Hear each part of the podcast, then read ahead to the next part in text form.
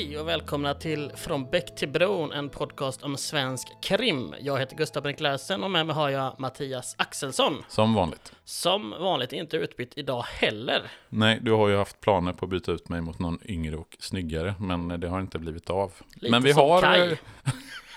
nu spoilar du för redan eh, handlingen i filmen vi ska prata om idag, nämligen Polismördaren. Och vi kan ju redan nu säga det, spoilervarning på er som, för er som lyssnar på det här avsnittet, att vi kommer att prata om filmen Polismördaren från 94.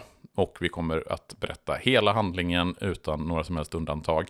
Vilket gör att vill ni se filmen, det vill ni inte, jag kan spoila det också. Eh, så eh, lyssna inte på podden innan ni har sett filmen. Det, här är ju kanske den av filmerna som man bara ska lyssna på podden för. Eh, Eller, Mm. Lite så man behöver liksom faktiskt. inte se filmen. Eh, för den är verkligen klappkalasusel. Mm. Eh, tycker vi båda två. Eh, säger vi i slutorden redan, så tack för oss. Nej. Men jag tänker ju ändå, för att nu har vi ju gjort fyra, fyra filmer som vi ändå har tyckt har varit ja, men helt okej, från helt okej till riktigt, riktigt bra. Eh, Mm. mannen, med mannen på balkongen som den bästa och kanske brandbilen som försvann. Eller, Rosanna har jag också uppe där Ja. faktiskt. Ja. Eh, men, men fyra bra, från helt okej till bra filmer. Men nu kommer vi till de två avslutande filmerna i den här eh, Gösta Ekman-sviten från 90-talet, nämligen eh, den som vi ska prata om, Polismördaren och Stockholm Marathon, som är den sista filmen. Och här ser vi en tydlig nivåskillnad mellan de fyra första och de två sista filmerna.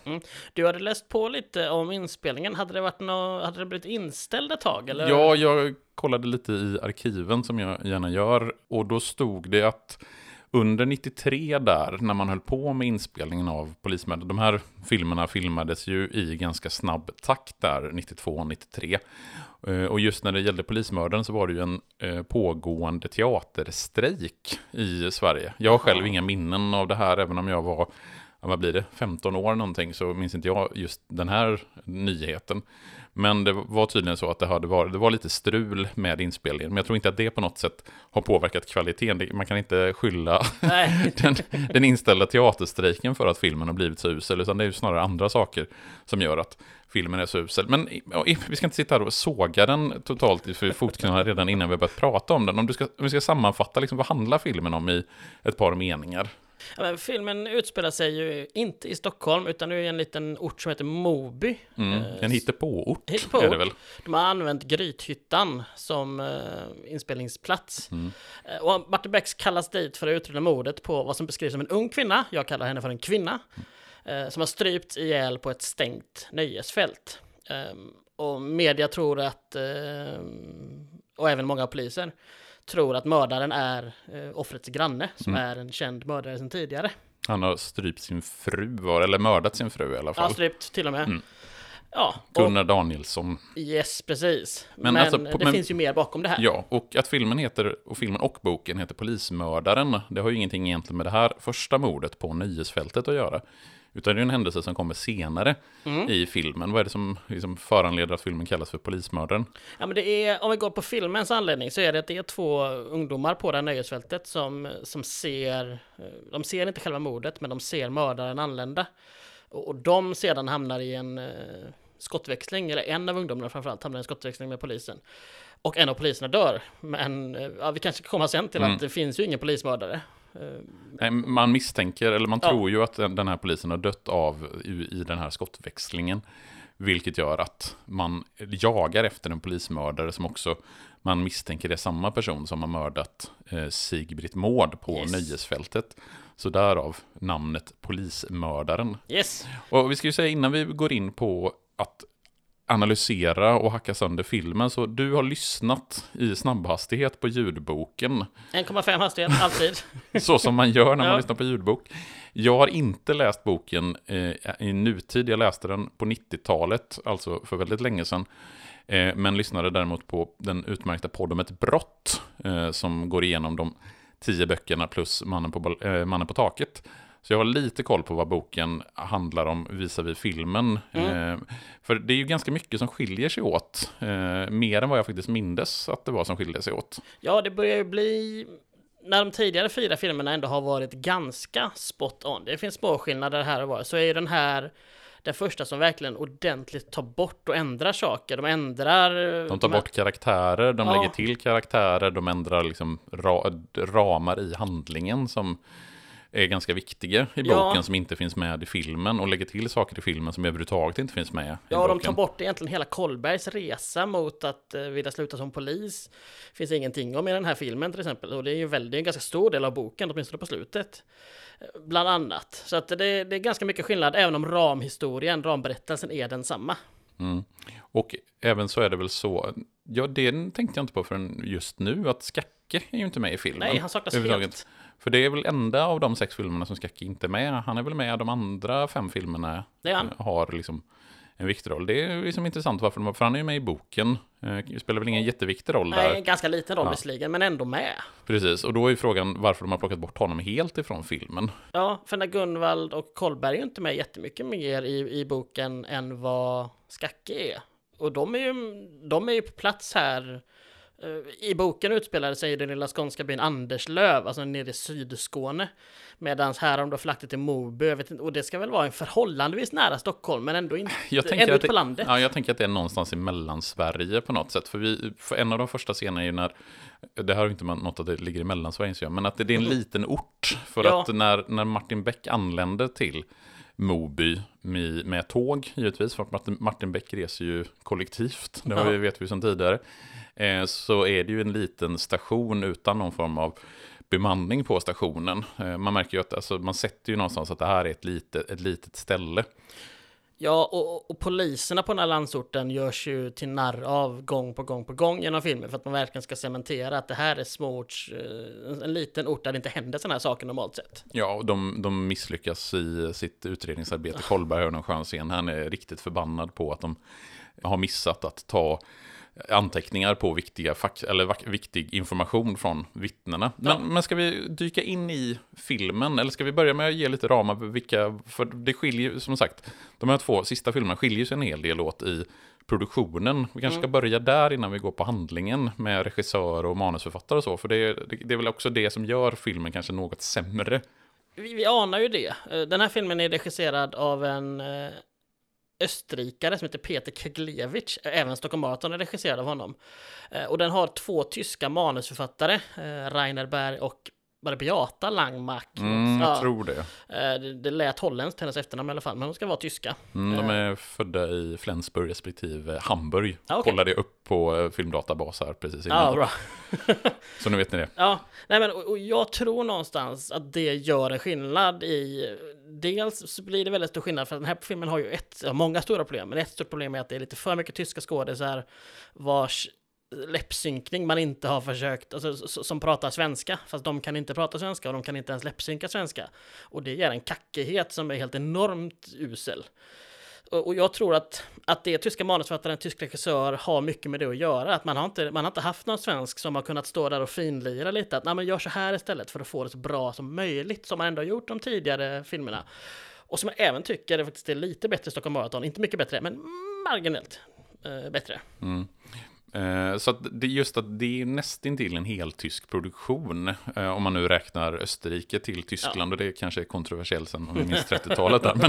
Men, men alltså tyskspråkig produktion i alla fall. Ja. I och med att regissör är från Österrike och båda manusförfattarna är från Tyskland. Och fle, ett flertal av skådespelarna är ju tyska Mm. skådespelare. Så att det, det är väldigt stort tyskt inflytande på den här filmen. Ja, nej, men tre stora, eh, tre ändå hyfsat viktiga roller spelas av tyskar och eh, som ska vara svenskar och det går inget bra för någon av dem. Nej, eh, och där, där har vi ju liksom kanske ett av de stora problemen. Jag, lovade Gustav att jag ska lista i slutet av det här avsnittet mina tre största invändningar mot eh, filmen. Och det är inte dubbningen som kommer på första plats kan jag säga. Nej, Eh, det finns fler saker som är dåliga med Ja. filmen nämligen. men ska vi dra igång lite? Ja. Alltså, vi, vi kommer in i filmen vid en klockvägkrok, mm. vägkrog, vilket är roligt bara det. Ja, det är också en sån här skön tidsmarkör med den gamla statliga hamburgerkedjan Klock. Ja, Jag tror inte att den var statlig längre där i... Nu, jag vet att jag slarvade ju förra gången och så- sa att Magnum inte fanns 93. Ja, och jag hade inte självförtroendet nog att det här bara, jag är rätt säker på att det var en Magnum. Jag, jag, jag, jag föll för det. Ja, du föll, föll för min att jag låtsas att jag kan saker Ja, precis. Eh, nej, men just Klock är ju en sån gammal klassisk svensk eh, hamburgerkedja som inte finns längre, väl? Nej, nej, ja, inte här i alla fall. Jag har inte sett den på många, många år. Nej, så, men den, den var ju relativt vanligt förekommande under 90-talet. Mm. Så det är ju där eh, det här hockeylaget, Solna HC. Solna, har du kollat om det laget finns på riktigt Ja, förresten? gud vad slarvigt. Nej, det var Jag har gjort. research från vår sida. Ja. Eh, men Solna HC Ja, är på den här vägkrogen och eh, har väl någon pissepaus, kanske käkar och sen så ska de iväg eh, med bussen och den här oerhört dryga hockeytränaren spelad av Filip Hammar. Eh, inte den Nej, Filip precis. Hammar dock. Eh, Filip utan- Hammar som vi ser bland annat i Anna Holt. Eh, Ja, just det. Han är... Ja, det finns många Anna Holt-referenser Ja. för övrigt i den här filmen. Som vi ska, Precis. som vi ska Börjar här. till. Nej, Eh, men de är nöjda, de har vunnit uppenbarligen. De ropar seger i vår och Mm. tränaren då som eh, Filip Hammar kommer ut och frågar bara är, alla här? Och alla bara såklart som man svarar på alla frågan. här, "Åh." alla här. Men en, och bussen åker iväg. Men Mm. en person är ju inte med i bussen. Den stack, stackars lilla lintotten Ja. Johan Widerberg, som här gör sitt andra framträdande i en Beck-film. Mm, första var medvetet. första medvetet. Vad, vad är den första han gör då? Nej, han är ju bebis i Mannen på taket. Just det, Är han, vem, vem, är han Kolbergs son där? Eh, Eller är han ännu mindre? Jag minns faktiskt inte riktigt det, ärligt talat. Jag har bara kollat i rolllistan att Ah, Johan okej. Widerberg är liksom bebis. För i så fall är han med i den här berömda penisscenen med, Med Sven Wollter. ja, vi vill inte fördjupa oss, eller vi kommer Vi kanske vill prata om... oss i det. Vi Men, vill fördjupa oss i... eh, ja, även där är Kolberg en sensualist. Jajamän, där är han ju penis. på riktigt en sensualist. Men Johan Widerberg är i alla fall... Kasper heter Johan Widerbergs karaktär kan vi säga. Mm. Just så. Ja, Eh, så han får inte följa med bussen, men istället så möter han en kvinna, eller en tjej, vad ska man beskriva henne som? En ung kvinna, ja 20-årsåldern. ja, någons- någonstans där. Och här har vi den första tyske skådespelaren. Ja, hon spelas av en tjej som heter Annika Dobra, tror jag det var. Hon är faktiskt inte tyska, hon är typ jugoslav. Mm. Jaha, okej. egentligen. Ja, ja, ja. Eh, Men, men, eh, ja. En icke-svensk i här fall. Hon är, hon är dubbad. ja. Hon står i entrén till Klock och, och mimar till honom att har du eld? För hon Mm. vill tända en cigg. Han har inte eld, hon snor en uh, tändare ur en uh, Kostymnisses, ja, eh, ytterrock. mm. Och han ser det och tycker, blir väl lite fascinerad sådär liksom.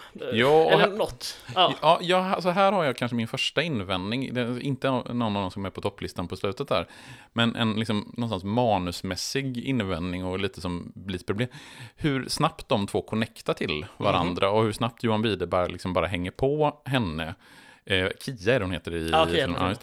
Ja. Eh, och att det, blir, att det här eh, blir, som blir någon form av relation mellan dem fastän de aldrig har träffats förut. Eh, de springer in på det här nöjesfältet. De, eh, jag, jag köper liksom inte, jag, jag tycker att det saknar lite grann trovärdighet i relationen mellan dem. Jag vet inte hur mycket det beror på att hon är så dåligt dubbad, vilket gör att man inte... Hon har inga, alltså Kia har ingen trovärdighet Nej. i sin roll. Nej. Nej, men jag tycker generellt i den här filmen, de enda skådespelarna som tillsammans har någon form av kemi är ju Beck, Kolberg och Gunvald. Till viss del att eh, Beck och Nöjd, alltså Thomas Nordströms karaktär och Jesper Bäckman, de, de, de, ja visst, inte bra, men det funkar Mm. en del av deras dialoger. Resten av alla skådespelare kontakter saknar fullständig kemi. Det, det känns inte som att de connectar på ett bra sätt. Mm. För jag kan förstå att en 16-åring blir lite fascinerad och lite så här, och, och så verkar han vara, eller i alla fall i, i boken så ska ju det här vara lite mer av en kriminell kille. Mm. Och tjejen, Kia finns ju inte i boken för det är en annan kille. Men jag, jag hade någonstans köpt det mer om bokkaraktären Kasper hade gjort detta än Mm. att film-Kasper gör det. För han verkar vara en snäll och prydlig pojke. Ja, sen så har den kanske lite struligt hemma med Ja. föräldrar som inte bryr sig och så vidare. Eh, Ja, men ändå, det, på något, ja, det, Ja. Jag tycker att det, det finns någonting där som skaver Ja, lite. Och, och, men, för, men jag tror att det också, som kanske som är inne på där, att det hänger ihop med att man inte har någon som helst trovärdighet i Kia. I när hon pratar. Så under de första scenerna när hon pratar så syns hon, hon ju inte i bild. Utan då är det bara hennes röst. Eh, och hon, alltså man filmar henne bakifrån och man har eh, kameran på, på Kasper. Men sen när hon väl är i bild och pratar så är ju, alltså läppsynkningen är ju rent usel. ja, den finns ju inte. Det är, det är ju så dåligt. Och jag tänker här att när Johan Widerberg då som ung skådis ska spela mot den här Kie, jag vet inte, vad är det hon säger? Om man pratar alltså i, i, under inspelningen, pratar hon på den som någon bruten låtsas-svenska eller har hon andra repliker? Vad tror du om det?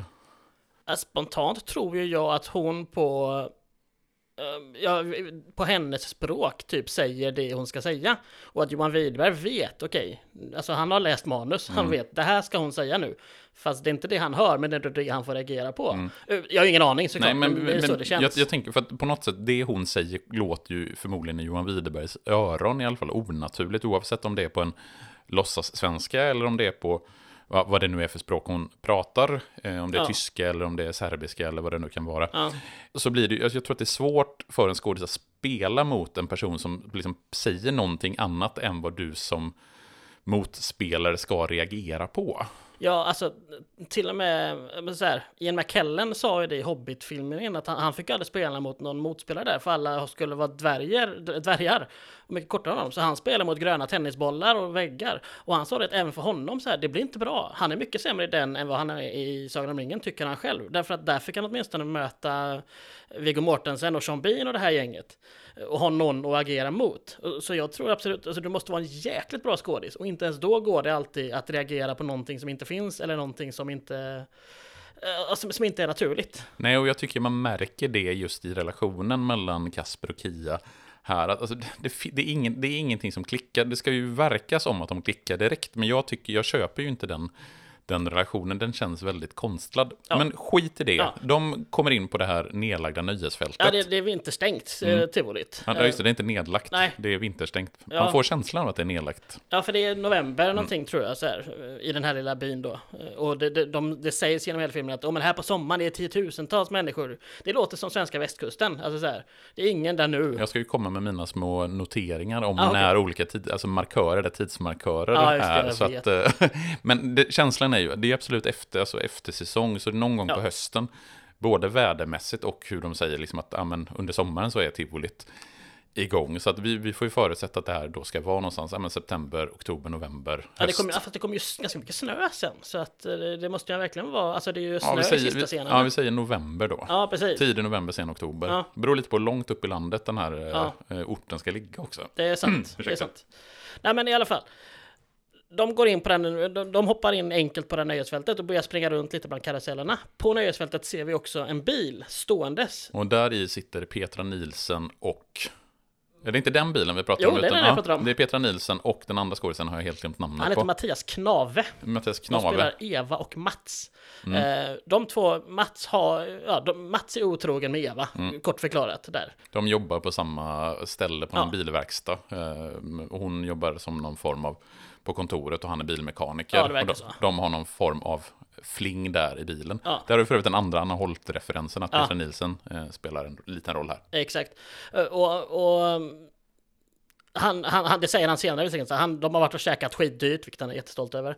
Och, och sen har de inte råd att ta in på hotell och han är gift och han har kupévärmare, så då ska de gå och ha mysigt i bilen på parkeringen på det här nöjesfältet. Så de är där, det ska man veta. Och sen, alltså, om man tänker det, mellan, mellan Kia och Kasper händer det händer så konstiga saker. Så här. Hon sätter sig på en gunga och han gungar henne och sen tar hon fram tarotkort eh, där han drar eh, The World och The Sun, vad nu det innebär. Men det, Det kommer aldrig någon poäng av det här egentligen. Liksom. Nej, men det är väl att man vill liksom eh, bygga bilden av Kia som en liksom mystisk person där på något sätt med de här tarotkorten, att hon är lite wild and crazy på något sätt. Men eh, jag, jag tycker återigen det här, det, det, är, det är någonting som verkligen, verkligen skaver i de här scenerna mellan eh, Johan Widerberg och, nu kommer jag inte ihåg namnet på skådisen. Annika Dobra, An- med, med Annika Dobra. serbisk skådespelerska. är. ja. Eh, alltså, det blir inte naturligt, inte bara för att dialogen är kackig, utan jag tycker också att det, man får inte någon personkemi mellan dem. Nej. Och jag tycker att det, det är mycket konstigt som händer där, att precis som du säger, de springer upp i de här, eh, det är något pariserhjul Ja, det eller något- något, något liknande, och så sitter de där uppe och gungar med benen. Och, Ja, de sitter och super lite. ja, hon har med sig någon whiskyflaska eller vad det nu är. Ja. Vara. Men det är så här, hon drar liksom ner sin jacka som att det är sensuellt och som att nu ska hon och så här, och så tar hon fram en flaska sprit. Ja. Och bara, Okej. Och han vill inte ha det, men sen säger hon jo, och så, ja okej då. Och så, det är liksom, det går så fort och det händer så mycket. Men då i alla fall, när de sitter uppe där och de syns inte för de sitter uppe i luften och ingen tänker på att de är där, då stannar en annan bil, en andra bil, en japansk bil. till Nedanför karusellen och vi ser en kvinna som då är Sigrid Mård kan vi avslöja. Våran, 38 år gammal. Ja, vårt mordoffer. Eh, hon säger sådär, alltså, vi får liksom, kameran ska väl i princip vara ur den andra personens ögon. Så han säger, hon säger till honom att oh, jag trodde inte vi kunde ses idag och vad gott. Och så går de in i något förråd av något slag, mm. är det väl. Och hon börjar klä av sig och de börjar ta och hångla lite och sådär. Och sen river han sönder hennes trosor och um, strumpbyxor. Och... Som var väldigt dyra tydligen. Ja, precis. Och så bara, vad är det för kommentar? Jo, men det, alltså, jag, inte. Nej, men det, det, är ju någonting här, det är no, återigen någonting som skaver med manuset, att replikerna känns inte naturliga, inte ens när de liksom levereras av de svenska skådespelarna. Nej. Det känns inte som att, och det här är ytterligare en sån här scen, där hon då, Sig, Sigrid Moore blir mördad, ja. eh, i den hon blir strypt, och hennes vad heter det, som man har på halsbandet? Pärlhalsband. Pärl, pärlhalsbandet, pärlorna rinner, äh, rullar ut över golvet. Alltså inte heller den scenen känns naturlig. Eh, det... Bara strypscenen så här. Man ser händerna på hennes hals och hon lutar sig bakåt, men hennes armar är som att de hänger. Alltså så här, det finns ingen, ingen form av försvarsförmåga som ändå är det natur, som mänsklighetens försvarsförmåga, eller människans försvarsförmåga där är ändå ganska instinktiv. Vi skulle inte bara sitta med händerna ner och bara åh han stryper mig, utan mm. vi skulle fightas emot och det mm. gör hon inte. Så att hela, hela utförandet är också kackigt. Mm. Eh, gud vad tråkigt att lyssna på den här podden. vi får snart hitta någonting bra ja. med den här. Men det, än så länge har vi ingenting bra. Nej, vi ska Sigrid... bara hitta hon som spelar. Eh, Sigrid Mård. Ja, vet du vem det är? Nej. Hon heter Anneli Norberg. Mm. Vet du vem hon är? Eh, ge mig någon ledtråd. Eh, senare Beck-filmer. Ja, hon spelar väl någon form av... Nej. Ob... Nej. Det är inte jag, det jag tänker på i alla fall. Nej, jag tänkte att hon var någon obducent eller någonting i de senare Beck-filmerna, men det är inte hon då. Uh, säg, du säger något sånt, hon var scenograf i Beck-filmen från 2006. Jag kommer säga att hon har en dotter med Peter Haber. Hon har en dotter med Peter Haber? Ja. Oh fan, det hade jag eh, ingen aning om. De var tydligen sambos på 70 80-talen. Det här är Wikipedia som pratar. Ja. Eh, de var tydligen sambos på 70 80-talen oh, och har en dotter som heter Nina Haber som tydligen är bara här i Göteborg faktiskt. Eh, hon dog tyvärr för två år sedan, Anneli mm -hmm. Norberg, bara 64 år gammal. Oj, ja, det var mer än vad jag visste om henne. Ja, Research kallar vi sånt. Ja. Du menar kolla Wikipedia? Ja, mm. precis. Och också på Stora Sommar, så det är därför jag känner henne och det tycker jag är roligt. Det är en fantastisk film. Mm. Åter kopplingen till Peter Haber där då? Ja, jag. precis, mm. exakt. Herregud ja. Nåväl, vårat mordoffer har dött. Ja. Och mördaren eh, blir lite perplex när han hör sin bil starta mm. ute på parkeringen. Ja, vi ska bara säga det. Han sparkar henne i underlivet efter att hon har dött. Mm. Det, kan, det, det, är en sån lite viktig detalj bara, mm. för att han ska framstå på ett visst sätt. Just det, att han är en, lite av en sadist också på något jo. sätt. Och, eller, eller, nej, han nej. är inte sadist, utan han vill få det att framstå som ja. ett sadistmord. Exakt. Och vi får inte se man, vi får se hans fötter, vi får se så här, men vi får inte se... Vi, vi som tittar här vet inte vem mördaren är. Men vi vet att det inte är Kasper eller Kia, eftersom de sitter utanför. Exakt. Uh, men Kia och Kasper snor bilen. Mm. Uh, för de tänker, ej, hon säger våran bil till Stockholm. Mm. Uh, och Eva då, tillbaka till Eva och Mats som är på nöjesfältet. Eva tycker att det är något konstigt här, det är något som inte stämmer. Så hon gör vad hon gör. Hon ber Mats gå ut och kolla vad som händer och han går in i det förrådet och hittar uh, Sigbritt. Där har vi någonstans grund... Det, det, är inledningen av filmen kan man säga, första 10-12 minuterna. Mm, för det är först i, noterade jag igår när jag såg den, först i den trettonde minuten som Martin Beck överhuvudtaget introduceras i filmen. Ja, vi har till och med en scen till före Martin Beck kommer. Ja, det är ytterligare en scen. Ja. Vilken scen är det vi har Gunnar då? Gunnar Danielsson ska bli förhörd av ja. Gunvald Larsson, fast inte Gunvald Larsson. Utan av polisen spelad av Mikael Persbrandt som gör en liten, liten roll i den här Beck-filmen. Precis. Och han, vad heter han nu då? Han som var med i eh, Tre Kronor på senare år. Um, spelade någon med någon fin... Ja, någon, den, den här White Trash-familjen som flyttar in i Mälarviken. Uh, skallig snubbe. Jag, kommer, jag tror han heter Lars-Göran Persson. Det, det är också sån ett ansikte man känner igen. Ja, de två förhör Gunnar Danielsson. För Gunnar Danielsson är, vem är det? Gunnar Danielsson är väl, eh, ska vi se, granne till Sigbritt Mård ja. i det här fallet. Och det här är också intressant. Att man har valt, för i, det här kan vi göra den första kopplingen till boken, Exakt. eller dra parallellen till boken, för i boken förekommer ju ingen Gunnar Danielsson. Nej. Och en sak som jag reagerade på just att de har valt namnet Gunnar Danielsson, Gunnar Danielsson finns ju inte med i boken som sagt, som namn, eh, utan det är ju en karaktär som, eller ett namn som bara finns med i filmen. Men att de här väljer då Gunnar Danielsson som är då en svensk rockmusiker, bland annat mm. från, Dan, eh, från Risken Finns. Eh, kanske inte jättekänt namn så, men, och in, men heller inte något vanligt namn, utan det, jag funderar på om det finns någon koppling där, om de bara tänker att ja, men det är ett så generiskt namn, Gunnar Danielsson. Om de tyska manusförfattarna inte har någon aning om vem det var, att de därför tar namnet Gunnar Danielsson. Det tror jag mycket väl kan vara. Då tycker man att det kunde borde funnits en svensk eh, manus, alltså som checkar det. För det är någon som uppenbarligen har översatt manuset till svenska om de då har skrivit det på tyska först. Att någon bara borde... Om, om man, man, borde ha reagerat på det namnet, ja. för att är man liksom lite eh, tänker jag, har lite koll på svensk kultur så vet man vem Gunnar Danielsson, eller man känner till namnet mm. Gunnar Danielsson, att det kan ringa liksom lite klockor. Det låter ju annars väldigt sossigt. Mm. Alltså det skulle kunna vara en gamla utrikesminister, Gunnar mm. Danielsson. Det finns ju, ja, det. vi har väl någon Danielsson, jag inte minns vad som har varit minister och sådär. Så att, ja. eh, det låter ju väldigt politi politiskt i alla fall tycker jag. Eh, men det är inte det, utan... Eh, men han ersätter ju en karaktär vi har sett i en tidigare film. Nämligen, eh, ska se om jag får det rätt här, Folke Bengtsson. Folke Bengtsson, vi. Det är så många namn att hålla reda på här. Men Folke Bengtsson, känd från den första boken, första filmen, Rosianna. Ja. Gör ju en comeback här i Polismördaren. Och det var ju ingenting du och jag pratade om när vi gjorde första avsnittet om, eller det avsnittet om Rosanna. Nej. Att han återkommer här. För vi hade ju en lång diskussion i slutet av det poddavsnittet om Rosanna, huruvida eh, Folke Bengtsson skulle bli fälld. För vi får ju ingen information i bok, vare sig i bok, första boken eller filmen om vad som händer efter att de har gripit honom, eh, Folke Bengtsson. Nej, det är ju ingen rättegångsserie detta liksom. Men här i Polismördaren, i boken, så får vi reda på vad som hände med Folke Bengtsson, nämligen Ja, nej, men han, han ansågs frisk och dömdes till fängelse. Um, och är ute efter ja, men förhållandevis få år då och har i boken då flyttat ner till det som då är orten i boken, det vill säga Anderslöv. Och Anderslöv är en riktig ort, den ligger ju typ utanför Trelleborg. Mm. Så det är verkligen södra, södra Skåne. Eh, dit har han flyttat ner för att lite grann börja om. Och det är han som i boken bor granne med Sigrid Mård.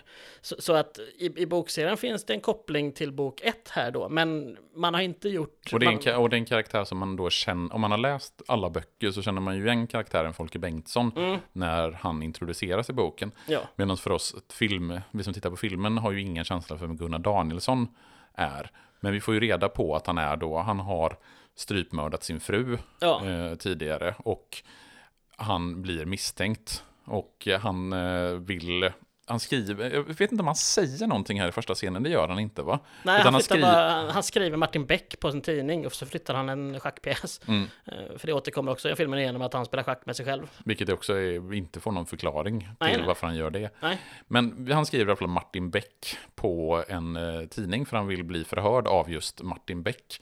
Och det är väl nu Martin Beck kommer in då?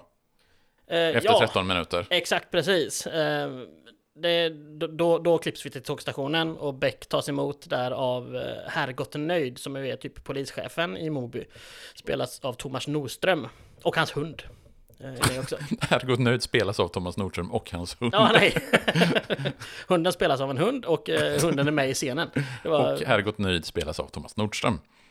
Norström. Norström ja, säger han till och med. Känd från pistvakt bland annat. Ja, just. Bland annat.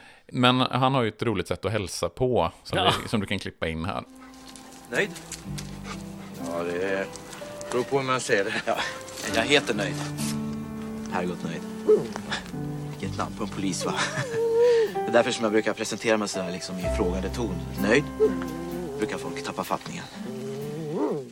Och i första scenen mellan de två så får vi reda, reda på att det är tio år sedan Gunnar Danielsson dödade sin fru, han eh, ströp henne till döds eh, och på ett litet äckligt sätt så eh, tycker jag att det, det sägs att hon nästan förtjänade det, att hon bedrog och provocerade honom, sägs det uttryckligen. Ja, Nöjd har ju väldigt tydligt den ingången att, mm. att hon förtjänar, att Gunnar Danielsson egentligen är lite grann av ett offer mm. i det, även om han är den som har mördat och suttit i fängelse, så han blev provocerad ja. att göra. Det finns liksom nästan en lite överdriven förståelse från Herrgott Nöjds sida till att Danielsson har strypmördat sin fru. Ja, och, och Beck säger att nej, han hade det nog inte så lätt vare sig före eller efter mordet, så jag tycker det finns ett ursäktande där som inte är helt okej. Nog för att det, det, kan finnas förklaringar, men... Jag, fast jag, ja, precis, förklaringen, liksom, men jag tänker just att... ursäkter. Just att någon, har, någon, har, varit, någon har varit otrogen, tycker jag inte liksom någonstans uh, gör det rimligt att man strypmördar den nej, personen. Nej, det är därför jag skiljer på förklaring och ursäkt. Det är liksom så här, okej, okay, han, han, han kan ha triggat triggats av det, men det är fortfarande inte en okej trigg, trigger han får. Eh, man, man mördar inte sin fru, då skiljer man sig från sin fru istället. Spontant kan jag tycka. Eh, De åker till nöjesparken det första de gör och här får vi en sån där Beck frågar, det, det finns en sån kodbricka in, eller där man, man ska slå in en kod för att komma in i det här eh, förrådet. Och Beck frågar, har du tagit, har du tagit fingeravtryck här? Och Herrgott nöjd bara, nej. Nej, det glömde vi visst. Och Ja, det är ju den precis. första indikationen på att de här landsortspoliserna inte riktigt har koll på sitt jobb. Nej, exakt. Nej. Och det kommer också fram att Gunnar och Sigbritt ja, var grannar har vi sagt och att de träffades på morddagen vid kiosken. Så att eh, det, mm, det... Här får vi indicier direkt, eller vi, vi, det pratas om Gunnar som eh, misstänkt, tydligt. Ja, och vi vet ju inte som tittare än om huruvida Gunnar är oskyldig Nej. eller inte. Alltså, vi har ju inte sett mördaren, vi har ju sett mördaren men vi har inte sett vem det är. Nej, Vi har sett att Sigbritt Mård har blivit strypt av någon mystisk gestalt. Så för i, liksom, i våra ögon så skulle ju Gunnar Danielsson mycket väl kunna vara den som är mördaren i det här läget. ja, precis. Och sen är vi snabbt tillbaka till Kasper och Kia som har nog brutit sig in i en form av hus. Eh, Kasper ringer sin bror Rick, eh, som vi kommer återkomma till för det är fascinerande. Härlig karaktär. Ja, och han verkar inte riktigt bry sig om att han är... Och, och Kasper säger att jag kommer hem om några dagar, typ sådär. Han är 16 bast, men ja, visst, så gör man tydligen. Ehm, och föräldrarna är på Mallorca. Och Kia säger att jag har också semester från övervakaren. Bara, Jaha, okej. Och sen typ matar de varandra. Mm. Och, och sen är det slut på den scenen. Ja, eh, också en sån här lite märklig scen när de Ja. ja. käkar saltgurka och apelsinmarmelad och Ja. vad det nu är de äter. Eh, Nästan lite obehaglig scen på Ja. något sätt. Jag, jag tyckte inte att den, den, den känns inte skön. Nej. Eh, och, den, framför- den tillför ju inte heller någonting. Tyvärr absolut Tyck- ingenting. Nej. Mer än att visst, vi får höra om Rick, brorsan, som ju Mm. kommer in i filmen senare. Ja, vi kanske får höra att Kia är på rymmen från sin övervakare. Att det Ja. finns någonting eh, liksom lite halvskumt med henne. Det Men vi det har vi redan förstått tycker jag. Ja. Jo, att, ja. kanske inte, fast inte riktigt. Vi har ju inte liksom förstått att hon, att, liksom, att hon är på det sättet. Nej, nej, okej då. Eh, breaking the law. Eh, Nej, visst, absolut. Det, ja. Men det hade man kunnat göra på ett helt annat sätt. Alltså Ja. scenen är väldigt, väldigt eh, pajig Ja. på något sätt. Det, det, återigen där brist i personkemi mellan de här två. Ja. Och sen anländer med bil Kolberg och Gunvald till Moby. Äntligen får vi två riktiga Ja. skådespelare in i Kolberg äter såklart, vilket Gunvald inte är nöjd med. Har du haft påsjukan? Jävla kakmonster. Måste du smula ner hela bilen?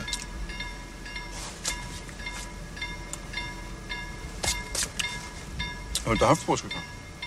Nej, hur så? Ja, det varit jävligt farligt att få den när man blir äldre för man kan bli steril. Ja, och...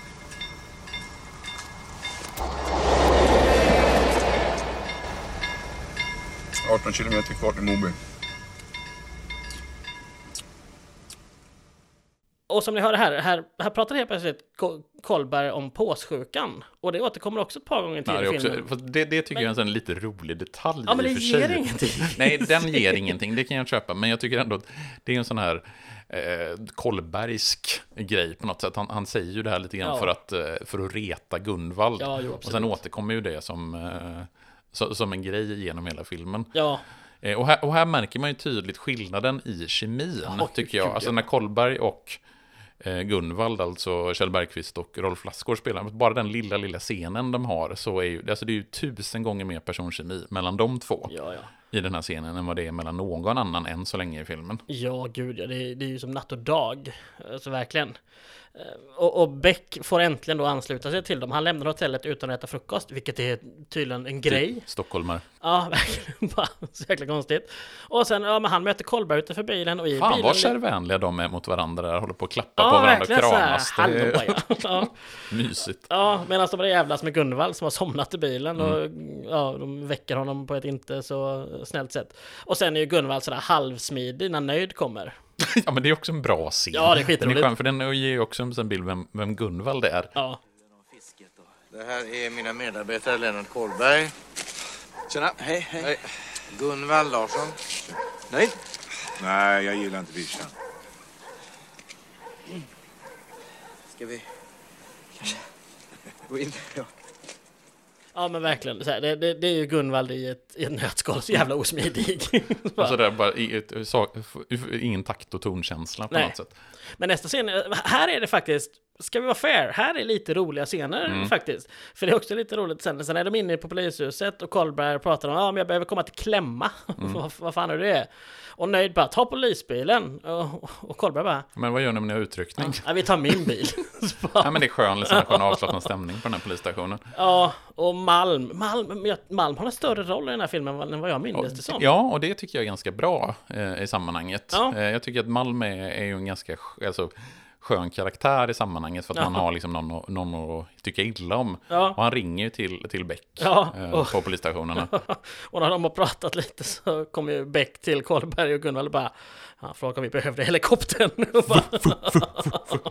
Så jävla bra.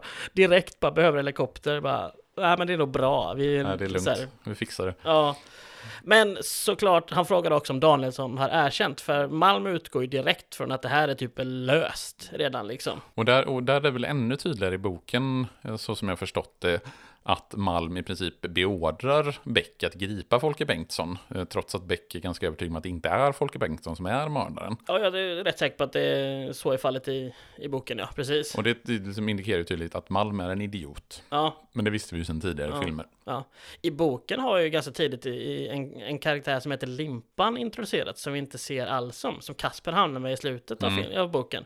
Han är ju bara helt bortblåst i den här. Så att eh, hela den side-storyn är, är väck. Mm. Ja, men det är ju sådana där grejer som de har va- val, helt valt att ta bort Mm. ifrån boken in i filmen.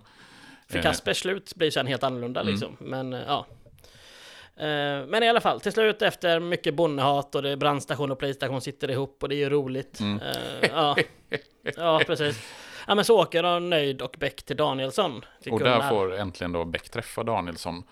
Och Ja. prata med honom. Eh, Precis. Och här tycker jag ganska tydligt, för Danielsson som då spelas av, kan du snyggt bara kolla upp vad skådespelaren heter? För där har vi en av de här tyska, gissar jag nu, det kanske är någon från något annat Österrike eller Serbien eller... Han spelas av en eh, Helmut Seri, Z-I-E-R-I. Nej, Z-I-E-R-I, ja, precis. Mm. Vi utgår från är tysk då, som heter Ja, Helmut. han, eh, ja det, det gör vi. Alla som heter Helmut är tyska vare sig de vill eller inte. Mm.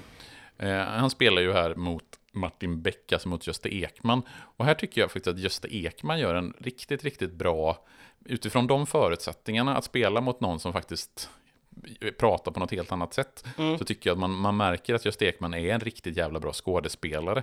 För att han kan ju hålla dialogen igång på ett sätt som jag faktiskt inte trodde var möjligt när man spelar mot en vägg. Nej, men det, jag, Vilket han i princip gör. ja, jag är 100% enig. Det är eh, verkligen så. För Helmut, alltså Danielsson, sitter ju mest vid bordet där och, och svarar på tilltal. Ja, och det är så... Och det, och fy vad dåligt gjort det är. Ja, och Ja, han är ändå inte sämst. Nej, precis, han, är inte, han är ändå inte sämst.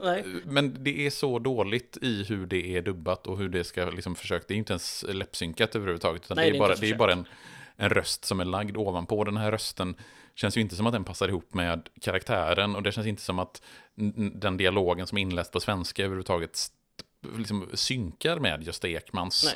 Eh, hur Nej, de det- pratar där. Det är alltså jättekonstigt. Ja, Så det, det är också en jätte, jättedålig insats. ja. Eh, Men vi har utanför huset så gömmer sig, eller gömmer sig, de har inte gömt sig så mycket. Nej, Men vi har ett gäng, mm, de har förföljt ett gäng murvlar från bland annat Aftonbladet och Ja. Ifrån, det är väl lokalpressen Ja, det är också. det de säger, att det är Aftonbladet och lokalpressen. Mm. Och de beter sig ju inte som människor. För att Nej. Det, är, det, det är en journalist som får personlighet och resten går som en flock, eh, flockskår. En, en, flockskår. en skockflår efter honom. En skock flår. Flårtanten kommer precis. En eh, Ja. skock får. Ja, precis. Det är också så här bara, men kan inte de få bete sig som, som människor? Det, det är som att de sitter ihop, de andra fyra, fem journalisterna. Och, Ja, det Ja, och de ska ju någonstans vara de här eh, journalisthyenorna Ja. som bara kastar sig över snaskjournalistiken. ja, Eh, De framstår ju som verkliga idioter. Men här har vi ju den scenen där man eh, kan göra en tidsmarkör. För jag fastnade ju lite grann för det igår. Att identifiera vad är det för match. De lyssnar ju på en hockeymatch där på radion. De står det är väl något växthus de står i. Eh, Och då får vi höra Tommy Engstrand i radion säga att Mikael Renberg gör mål efter 2.38. Eh, Och, då Mhm. och det vet ju alla direkt vad det är ja, för mål. eh, det, det är väl självklart att man bara, 2.38, Mikael Renberg, ja det var ju VM-semifinalen 1993 mot Tjeckien som Sverige vann med 4-3. Vilket det- mål var det då? Eh, vad sa du? Vilket av målen var det då? Eh, det var 3-3 målet, kvitteringen, och sen så gjorde, nu minns jag inte vem som gjorde 4-3 målet, men du vet ju vem det var som assisterade Mikael Renberg. Ja, men det var väl Kenneth Kenholt va? Det var Kenneth, Kenneth! Man måste ju ändå få droppa namnet Kenneth Kenholt som kanske är det absolut bästa namnet på en svensk hockeyspelare genom tiderna. Jag av någon känner, anledning. Jag känner, har man inte droppat namnet Kenneth Kenholt i en podd så har man inte levt. Det jag tycker när det är någonstans, vi slår fast det på en gång.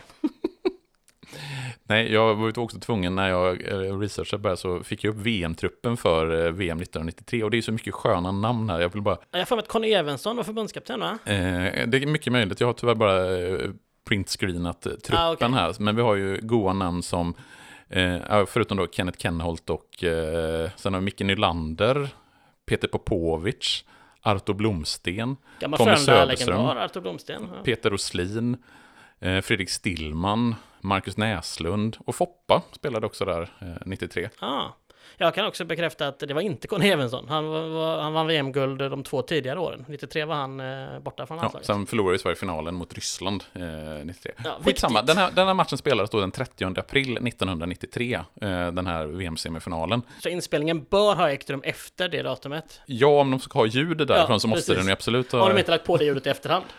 Eh, så skulle det kunna vara. Mm. Men det som också är intressant här, jag vet att du vill att vi ska gå vidare och att vi inte ska fastna just på den här Jag vill lilla inte löjliga... klippa tre timmar podd om det här. Nej, men för, så som jag, jag, har ju, liksom, jag är ju helt övertygad om att Tom Engstrand jobbade på TV3 under VM 93. Han, jag tror inte han kommenterade för Radiosporten. Jag tror att han redan hade gått över till TV3. För det var ju TV3 som sände hockey-VM där i början på 90-talet. Jag har försökt googla det här så att eh, det är ingen idé att du snabbgooglade, för det finns ingen info exakt på när han gick till TV3. Nej, jag tänker bara Magnum-debaclet gör att jag håller mig... Eh... Du säger inte ja eller nej. Nej, precis. Och jag lägger in en reservation, jag är inte helt säker på, jag, men jag är ganska säker på att han inte jobbar på Radiosporten i alla fall. Mm. Vilket gör att de har då klippt in ra, eller tv-ljudet på den här Ja, radion. det har de ju. Ja. Så då är det... Då... Ja, shit. Så det är mycket mycket som skaver här. Och det, vi vi kan vara ganska säkra på att det inte är i april. Eftersom tivolit har ju stängt. Ja. Sen, det är väl möjligtvis om de har varit jätte, jätte, jättelänge stängt. Och att vi nu är snart i öppningsdags. Men det tror jag inte eftersom det kommer snö och sånt senare. Ja. Skitsamma, vi ska släppa den här detaljen av att uh, Kenneth Kenholt assisterade till Mm. 3-3 målet efter 2.38 i tredje perioden. Japp, och, och som ni minns så var det alltså ett förhör här från Beck Ja. av Danielsson. Just det, vi pratade om en Beck-film. Ja, precis. det. Polismördaren från 1994. Släpptes i januari. Mm. Ehm, nej, men i det här förhöret, i korta drag. Han erkänner såklart att han och Sigbritt kände varandra, för de bodde grannar. eh, Och att de träffades på kiosken i söndags. Men att han åkte hem och han vet inte var hon tog vägen. Vidare så säger han något som kanske är lite komprometterande att eh, han har tidigare, tio år tidigare, då sagt att han är rädd för kvinnor, att han hatar dem och att det fortfarande stämmer. Men att det inte gällde Sigbritt känner han också, för hon var annorlunda. Eh, och Beck ställer frågan rakt ut. Uh, ville du ligga med henne? Och det svarar han inte på. Eh, men eh, jag tror man ska tolka det som att han väl var lite förtjust i henne på det sättet. Ja, absolut. Ja, typ så. Mm. eh, är det vi får fram av det här förhöret. Och sen eh, går Beck och, och nöjd därifrån. Mm. Helt enkelt.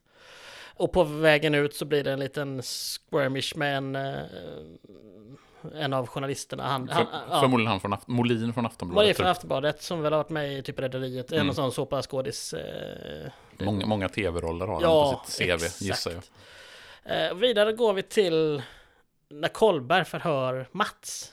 För nu är Kolberg har under tiden åkt ut till det här eh, stället. Mm. Vi hade varit nere och käkat på gästgiveriet. Dyrt som fan var det. Sen så åkte vi ner till parkeringsplatsen över Nöjesparken. Vad skulle ni göra där då? Men vad fan tror du? Vill inte lite väl kallt så här års? Det. För det första så har jag kupévärmare. För det andra så är jag gift. Tredje så har jag inte råd med något hotellrum. Och där, ja, vi får fram då helt enkelt det här med att Mats har i förhör sagt att det var två yngre killar som han tror. Som han såg där. Men poliserna, lokalpoliserna har inte De har glömt, sig att- om. glömt att notera Ja, det. för att de har redan mördaren. Eh, Så Kolberg blir ju först sur på Mats, att varför i helvete har du inte sagt det här eh, i förhör? Men det har han.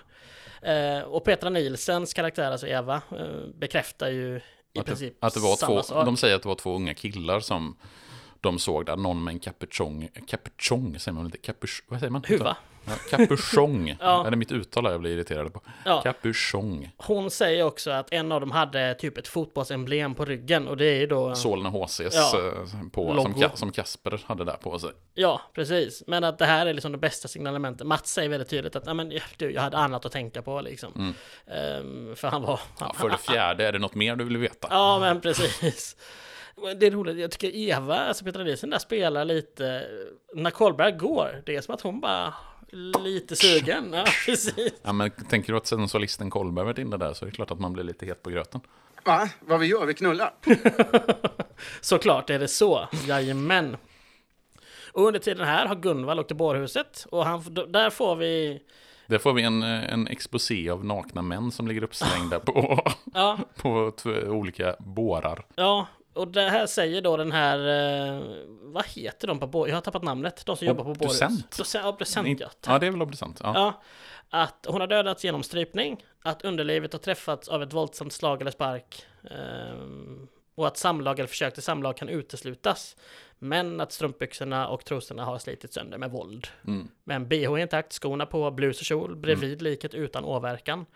Så att, eh, och att brottsplats och fyndplats verkar vara samma ställe. Ja, vi, vi får väl här egentligen veta att det är inget sexmord Nej. i, liksom i den bemärkelsen som Exakt. man kanske trodde skulle misstänkas att tro initialt att det var. Mm, precis. Och Beck och Nöjd fortsätter sin lilla turné nu. Nu åker de hem till Sigbrids hus och här får vi reda på lite om Sigbritt. Det är, mycket, det är lite voiceovers och så här Ja. som jag vet att du inte är jätteförtjust i alla gånger. Jag tycker jag, jag är ju nöjd med voiceovern i Voiceovern Rosanna. är, de är bättre än dubbning, så kan vi säga. Ja, precis. Ja, men så här, där jag gillar voiceovern i Rosanna tycker att de här bara blir, ja men det är verkligen bara exposé Mm. för att få fram information. Eh, Ja men det är liksom att, ja men det pratas om hennes exman Sigbritt, att han är sjökapten men eh, super som ett svin och är Mm. sjukskriven och att hon inte har några föräldrar, hon har några avsläkt, avlägsna släktingar på Nya Zeeland. Mm. Vad nu det har för...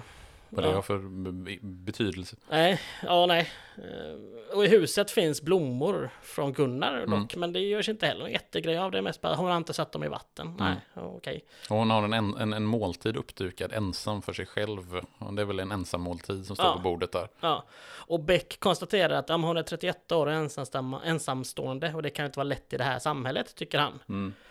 Och han spekulerar i hemlig älsk- älskare och sen hittar de lite brev. Mm. Som ju börjar få oss in på rätt spår någonstans. Är, det, är de undertecknade Kaj redan? Är det, får vi, Ja. Blir vi introducerade till namnet Kaj? Ja, det första Här. vi får höra är Käraste, vänta inte på mig, min svåger har kommit till stan och jag har ingen chans att komma ifrån. Jag ringer dig senare om jag kan, kyssar Kaj. Så, Mm. Så här får får, vi här får vi reda på att Sigrid har en relation med någon som kallar sig för Kaj, som ju uppenbarligen är gift. Mm. Eh, och den enda Kaj som bor i den här byn, det är Ja, den enda Kaj som finns här, han är knappt sju, har precis börjat skolan. Nej, men det, det hittas lite fler brev eh, undertecknade Kai och det verkar som att det har varit någonting som inte riktigt stämmer. Eh, och Gunvald kommer in här och, och säger att ja, men, enligt obduktionsprotokollet så stämmer allt överens med hur Danielsson mördade sin fru. Så vi pekas igen lite grann mot Danielsson. Eh, och här är det också där Kolberg är upprörd över hur eh, polisernas inkompetens och nöjd bara Okej då. sitter där och skruvar lite på sig Ja, i den precis. folktomma hotellrestaurangen. Ja, och bilen är ju stu- så här, Det har vittnats från Mats och Eva om den här bilen de har kört iväg med, som alltså är då eh, mördarens bil. Och att det var tre av den typen stulna Det var tre japanska bilar på något sätt va? Ja, precis. Bland annat en som tillhör Sundströms kexfabrik. Mm. väl? Ja, Och den kommer få betydelse, just Sundströms kexfabriks Ja. stulna bil. exakt. Eh, och det kan ju inte Gunvald låta bli att pika Karlberg för. Att, "Ja, en kexfabrik passar väl dig va? Just Eh. så. För det är ju den bilen som Kasper och Kia har stuckit iväg med Ja. på sin road trip. Sin eh, vägturné eh, genom Road trip. landet. Road Nej, trip. road trip. Och här är faktiskt en lite rolig scen att Kolberg säger att han, jag har inte hunnit kolla bilägarna än. Och Nöjd bara, Det, kanske man borde skulle göra. Jag har inte tid med än! Kjell Bergqvist i sitt esse, skulle man kunna säga. Ja, Det finns inget som är så bra som en arg Kjell Bergqvist. Nej, och Gunvald följer upp det med Fan vad tyst det är och Kolberg bara Ja, jag äter. Ja, det hör man. ja, precis. ja, det, det, där, där igen, kemin helt Ja. plötsligt. Ja, men och där det- märks att Thomas Nordström är ingen dålig skådis Nej. heller liksom. Han passar in där, även om det är såklart att de andra tre har en mycket, mycket bättre connection. Ja, och det, de det, det är de här små, små detaljerna som ändå är det, det lilla, lilla, de små liksom, kornen av någonting bra i filmen. Det är ju när eh, Kolberg, Gunvald och Beck spelar mot varandra Ja. i olika scener. Det är ju ändå det som gör att det finns någon form av jävla behållning i filmen. I Ja. övrigt så är det ju, när de spelar mot någon annan egentligen, så blir det ju dåligt, Faktiskt. tycker jag. Ja, ja, ja, förutom eh, på Ja, slutet det, sen kanske. det, finns, det kanske finns några ytterligare Ja, men, detaljer, men, eh, i i huvudsaken princip- så är det de sakerna som, som ändå bär filmen. Verkligen. Eh, Danielsson tar sig in till polisstationen. Beck säger att det är för hans egen skull. Han Han, säger valt- det till media. Han har valt det själv Ja. för att skydda honom, Ja. inte för att han är gripen på något sätt. Ja, och här är ju nöjd, så jävla snäll, för Danielsson undrar ju bara, "Va, men djuren då? Och han bara, jag tar hand om hönorna och fiskarna. Så att det är liksom, det är verkligen småstad. När polisen bara, nej men jag löser det. Det är liksom Mm. jag tar hand om det. Ja, jag tycker det, det är... Det gillar ju ändå med nöjd liksom. Han är en Ja, sympatisk nöjd är en, karaktär. är han absolut en sympatisk karaktär. Så är det definitivt. Ja. Eh, lite tillbaka till Kasper och Mia. Det var ett tag sedan. Kasper och Kia, Kasper och Ki- Mia. Kia, ja. Ja. precis. var är de nu? Nu är de, de har brutit sig in i, ett, i någon form av stuga. Ja. För att typ, Är det här vi får den här riktigt jobbiga Sator-scenen? ja, är det Sator? Ja, jag tror att det är Sator. Ja. De spelar I wanna go home. Eh, som blir, alltså, de, de, de ligger ju liksom flera, flera minuter på Eh, först är det väl en video som spelas på, eh, det på någon musik- tv, ja. en musikvideo. Eh, som det, jag, jag tror att det är Sator I wanna go home. Och sen så fortsätter den rulla i ganska länge Mm. över den här scenen. Och det är också jättemärkligt, för det passar sig verkligen inte in i Beck Nej, konceptet att det är liksom en musik, en, en aktuell musik, en låt från ett aktuellt band. För jag tänker ju att Sator, I wanna go home, kommer här någonstans 92-93. det låter helt rimligt. Eh, och att den, liksom, den känns som mal, malplacé i Ja. sammanhanget. Ja. Nej, men jag är helt... Uh, det är helt Du är helt med, med på min kritik Ja. av att de lägger in så mycket Sator där. Ja, precis. Men vad som har hänt där är att Malm har synts på tv och han säger att han får en jättemärklig fråga och journalisten bara, har polisen resurser att lösa så här komplicerade fall? Det är ett mord. Ja, så jävla Alltså, komplicerat var inte nej. det här fallet. Det kan man inte påstå. Nej, och så här, hela polismördargrejen har inte ens hänt än. Så att det är som att den scenen är inspelad för att hända efter det. Men så har, Så har man använt den. Ja, Ja, det har du rätt i. Men Att- Malms svar passar andra sidan inte heller riktigt in på det. För ja, jag tycker det är jättemärkligt Mm. bara. Men han, Malm säger att mordet på Sigbert har högsta prio och att mördaren mer eller mindre redan är inringad. Så Mm. han är ju fortfarande stensäker. På att det är Danielsson. Ja, och medan det här händer så har Kia letat inom låda och hittar en pistol. Just det, det här pistolen Ja. kommer in. Eh, Hon har inte med sig den från början, utan Nej. hon hittar den i det här eh, torpet, Ja. eller sommarstugan eller vad det nu är. Och Ja, precis. lägger, tar den på sig eller tar den med sig. Yes.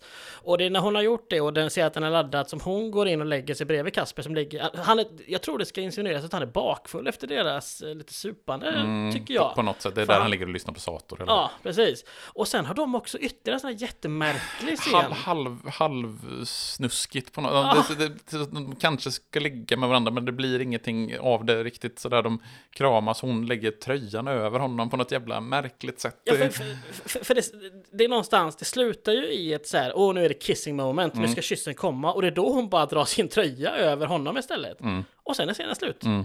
men vi fick lyssna på Sator. Ja, vi fick så, Men det känns jävligt ut och skönt. sladda med PVn och lyssna på Sator. Den kan du klippa in. Tyckte du inte min imitation var bra?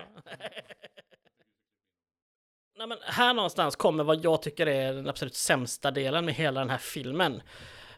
Beck och Gunvald åker till, de ska förhöra eh, Kapten Mård. Ja, Sigbrids exmake, Kapten Mård. Jag minns inte ens eh, förnamnet på honom nu för att... eh, Du så arg.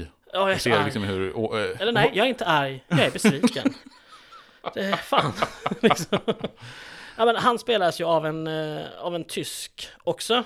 En tysk skå- skådespelare alltså. Mm. Som heter så mycket som Heinz Hönig. Kapten Mård är han alltså. Mm. Och det är nog... Det sämsta du har sett på film någonsin. Ja men är svensk tv, alltså så här, jag har sett The Room, den, eh, s- som är känd för att vara usel. Eh, Men det här är en liksom topp fem sämsta skådespelarinsatser jag någonsin har sett tror jag. Och då kommer den andra typ senare i den här filmen faktiskt. Men den här, den här är verkligen med där uppe. Här är läppsynket Alltså så här, den, den här gubben är arg och syns. Ja, han är ju arg och står och skriker. Och man gör inte det så här på något sätt att se Becks reaktion, utan man gör det rätt in. Så kameran är ju en halv meter från hans nylle. Vilket innebär att man ser ju varenda, att så här, han pratar ju inte svenska, han försöker ju inte ens. Och, och hans, hans ilska är liksom, och, och det är inte bara läppsynket. Det är också att så här, den här skådisen har nog inte varit så här, han har liksom ingen, han, han har inte kroppsspråket för en person som är så arg Ja, heller. men det känns inte som att han, han vet riktigt vad det är han gör där. Han vet inte vad han ska säga, vilka, vad han ska spela på. Jag tror inte att han är en så dålig skådespelare. Nej. Det känns orimligt att tänka sig. Jag är Men, verkligen det. ja, jag vet inte, jag har ingen aning egentligen. Jag sitter bara och gissar. Men ja, det känns som att mer handlar om dålig regi och Ja, dåligt gud. manus. Att han har liksom inte fått rätt regi i sammanhanget. Vad ska han liksom, hur ska han agera, hur ska han spela? Och det är ju samma sak där, han spelar ju mot någon som pratar på ett språk som han inte förstår. Jag tänker att det, det är inte det lättaste det heller. Eh, nej, och sen nej. vet vi inte vad han pratar på för språk, han pratar tyska. Ja. Mot, eh, mot eh, Beck som förhör dem där, eller? Ja. Just det. Gunvald stannar en bit bort. Just det, precis. Gunvald vill föra med. Just det, så för att det. det sägs att men Kapten Maud har slagit ihjäl en brasiliansk sjöman i Trinidad, och och Tobago. Viktigt. precis. Och kom hur, många, undan med hur många länder har han varit i? 108. De hade övre Volta. Ja, det Av alla jävla fint. länder. Ja. Men Han kom undan med utvisning och böter för det mordet, för det var någon som fyllde slagsmål som gick fel tydligen. Mm. Eh, men, och Beck bara, jag skriker, har man nyps? Okej, eh, självförtroende ändå. Mm. Eh, men jag tycker verkligen att det är det är fruktansvärt dåligt, Mm. hela den scenen. Eh, det, han bor i någon form av husvagn och i sängen där ligger hans, ja men någon nuvarande tjej eller och dricker en öl Mm. och försöker ge honom alibi, ett alibi som visserligen håller så att, eh, att han var på Baltic Clipper och, och drack öl, eh, eller söp, när, när mordet ägde rum liksom. Mm. Och han pratar om, det är, mycket scen, det är mycket repliker som är hämtade direkt från boken, men som inte riktigt passar in. Och så, det, allting med den här scenen är bara katastrof, utom att Gösta Ekman står där, vilket alltid är bra. Men han, han har inte heller så mycket att göra i den här scenen, för att den går mest ut på att Kapten Maud ska få vara arg. Och det, nej jag tycker det är verkligen Nej, det, går, det funkar inte. Jag håller helt med dig. Det, det är en riktigt, riktigt dålig scen. Kanske den sämsta i hela, i hela den här filmsviten. Hela sexologin. är- Hela sexologin. Kanske i hela Sveriges filmhistoria. Ja men det är det jag menar, topp fem sämsta fem insatser. sämsta, i, ja. ja. Det ska vi rangordna någon gång. Topp sem- topp fem sämsta scenerna Vi ska se, ja i Beck, jag tänkte i Sveriges historia. i Sveriges historia. Vi ska se alla svenska filmer. Eh, lycka till. Mm. Eh, ja, nej men, eh, ja. Vi får inte fram, eller vi får fram att eh, det var hon som ville skiljas, han har slagit henne vid några tillfällen, men att de fortfarande hade sex ett tag, fram tills för ett tag sedan. Mm. Då hon inte längre ville, vilket man ju då ska anta har med saken att göra, Mm. vilket det ju har. Men ja, jag tycker vi lämnar den så fort som möjligt, därför att han får Hans alibi håller. Han har, han har någon anledning suttit på någon båt och noterat vilka andra båtar i sin loggbok som, som är där och det stämmer överens med Ja, det gör de också en sån här Ja. poäng av hans, här Hans har jag loggbok. allting, hans loggbok. Du, eh, Om du ska klippa in någonting från den här scenen så ska du klippa in han viftar med sin loggbok. För det hörs skitbra i... Nej, inte själva viftan, men just att han säger där att Ja. hur viktig en loggbok, är också en sån här, det känns jättekonstigt. Ja, en man och hans loggbok. Bara- Borde filmen borde heta det istället. Ja. En man, mannen med loggboken, så hade vi Oh. kunnat fortsätta den här. Mannen på taket, mannen på balkongen, mannen med loggboken. Ja. Min loggbok. Loggboken. Loggboken över hela mitt liv. Den enda boken människa behöver. Här står alla båtar som passerade Baltic Clipper den dagen. Alla. Eh, Och snabbt tillbaka till Kasper och Kia där eh, helt plötsligt drar hon fram sina tarotkort igen som man gör. Och då drar han helt plötsligt något jävla dödskort Ja, Kasper. såklart. Ja. För att vi ska vara övertydliga här Ja. i vår eh, symbolik. Ja, men hon låter aldrig honom se det, utan hon tar det direkt och säger det var ett mycket bra kort. Och sen ger hon eh, honom sin talisman som är någon indianfjäder hon Mm. har haft på något halsband. Eh, och- det var det en stund där. Eh, Det var bara det. De var nere vid någon frusen sjö. Nej men då tillbaka i polishuset sitter Danielsson och då ska vi förstå att folk inte är nöjda med att han sitter där för att eh, det kastas in en sten, sten. som träffar hans schackbräde. Det håller schackbrädet märkligt nog, för det är gjort av poröst trä, men det håller. Och nöjd är inte nöjd eh, och springer ut och gapar och skriker. Ehm, ja, det är också en jättekonstig Ja. scen. När han springer ut där i, i snöslasket. Ja. så dåligt. Ja, jag menar, inte, och liksom så här. Vi har förstått redan att de flesta tror att Danielsson Ja. är skyldig. Vi behöver inte få en sten genom fönstret på polishuset för att få det bekräftat. Det är inte, det är inte nödvändigt. Nej. Men nu får vi helt plötsligt lite nya karaktärer. Mm. Helt plötsligt så klipps vi till eh, några poliser vi aldrig har sett förut. Som sitter och försöker lära sig olika eh, sifferkoder för olika typer av brottslighet. Exakt, den Så unge polisen Hector Mm. ska lära sig, han spelar som Magnus eh, Skogsberg för Mm. övrigt. Eh, som vi sett i Anna Holt bland annat. Ja, ytterligare- ja precis. Alla från Polismördaren gick sen till Anna Holt. Ja, Eh, han- spelar in Anna Holt parallellt. Ja, nej, men han har varit med i så här Tre Kronor, Mm. han är en What's His Face också liksom. De flesta känner nog igen honom när de ser honom. Men det är tre random snutar som sitter i en polisbil här i alla fall. Ja, precis. Den unge förhörs av en eh, lite äldre och den allra äldste typ sover i baksätet. Eh, ja, ehm, och helt plötsligt så kommer... Kasper och Kia i deras bil och Ja. sladdar fram över. Och ja, han får säga den här klassiska polisrepliken. Vad fan, den är ju lyst! Precis. Jag önskar att man någonsin, någonsin skulle få säga. Vad fan, den är ju lyst! Nej men Hector, den unga polisen, överreagerar något in i bänken och bara kör efter dem i full fart och med blåljus på. Ehm, och Kasper sitter i bilen och bara Kia, vad vill de? Vad vill de? Och hon bara håll käften. Håll käften dig. Ja. Nej men de får stopp. Polisen får stopp på dem. Ehm, De går ut och det blir den här skottväxlingen mellan eh, Kia och poliserna. Exakt, Hector Polis- går ut med draget vapen. Mm. Och det här är också en sån här jävligt pajig scen. Det här är Alltså, fruktansvärt. Det är så mycket i den här scenen som är jobbig. Dels för att poliserna har ju ingen som helst trovärdighet i att vara poliser. Alltså de beter ju sig som, eh, eh, inte för att polisen inte skulle kunna skjuta eh, oskyldiga, det har vi sett exempel på. Eh, men också att det är någonting med hur de rör sig, hur de gör och vad de säger. Och även Kasper och Kias reaktion känns också helt orimliga på Ja. något sätt. Magnus Skogsberg tycker jag är bra polis i Anna Holt, men Mm. här funkar det inte. Nej. Det är ty tyvärr. Men, Men- men, i alla fall, han ja. drar vapen. Kia går ut från förarsätet. Medan Kasper bestämmer sig för att försöka fly ner för diket. Ja. Och då börjar Hector bara, han skjuter efter Kasper det första som händer. Mm. Vilket gör att Kia lyckas ta fram sitt vapen. De har hittat den här sommarstugan. Ja, som hon har tagit med sig då. Och skjuter först den lite äldre polisen och så eh, Hector. Eh, Men Hector är så pass, eh, han, han lyckas byta hand med vapnet och skjuter ihjäl Kia. Kia. Ja. Kasper skriker, vi får inte höra skriket för att det är mutat, men han skriker. Ehm, och, och polisen från baksätet har då vaknat till liv och bestämmer sig för att göra en Kasper. Spring Eh, efter honom. Nej, jag vet Nej. inte. Det tror inte jag det är tanken. Åtminstone är det inte så i boken.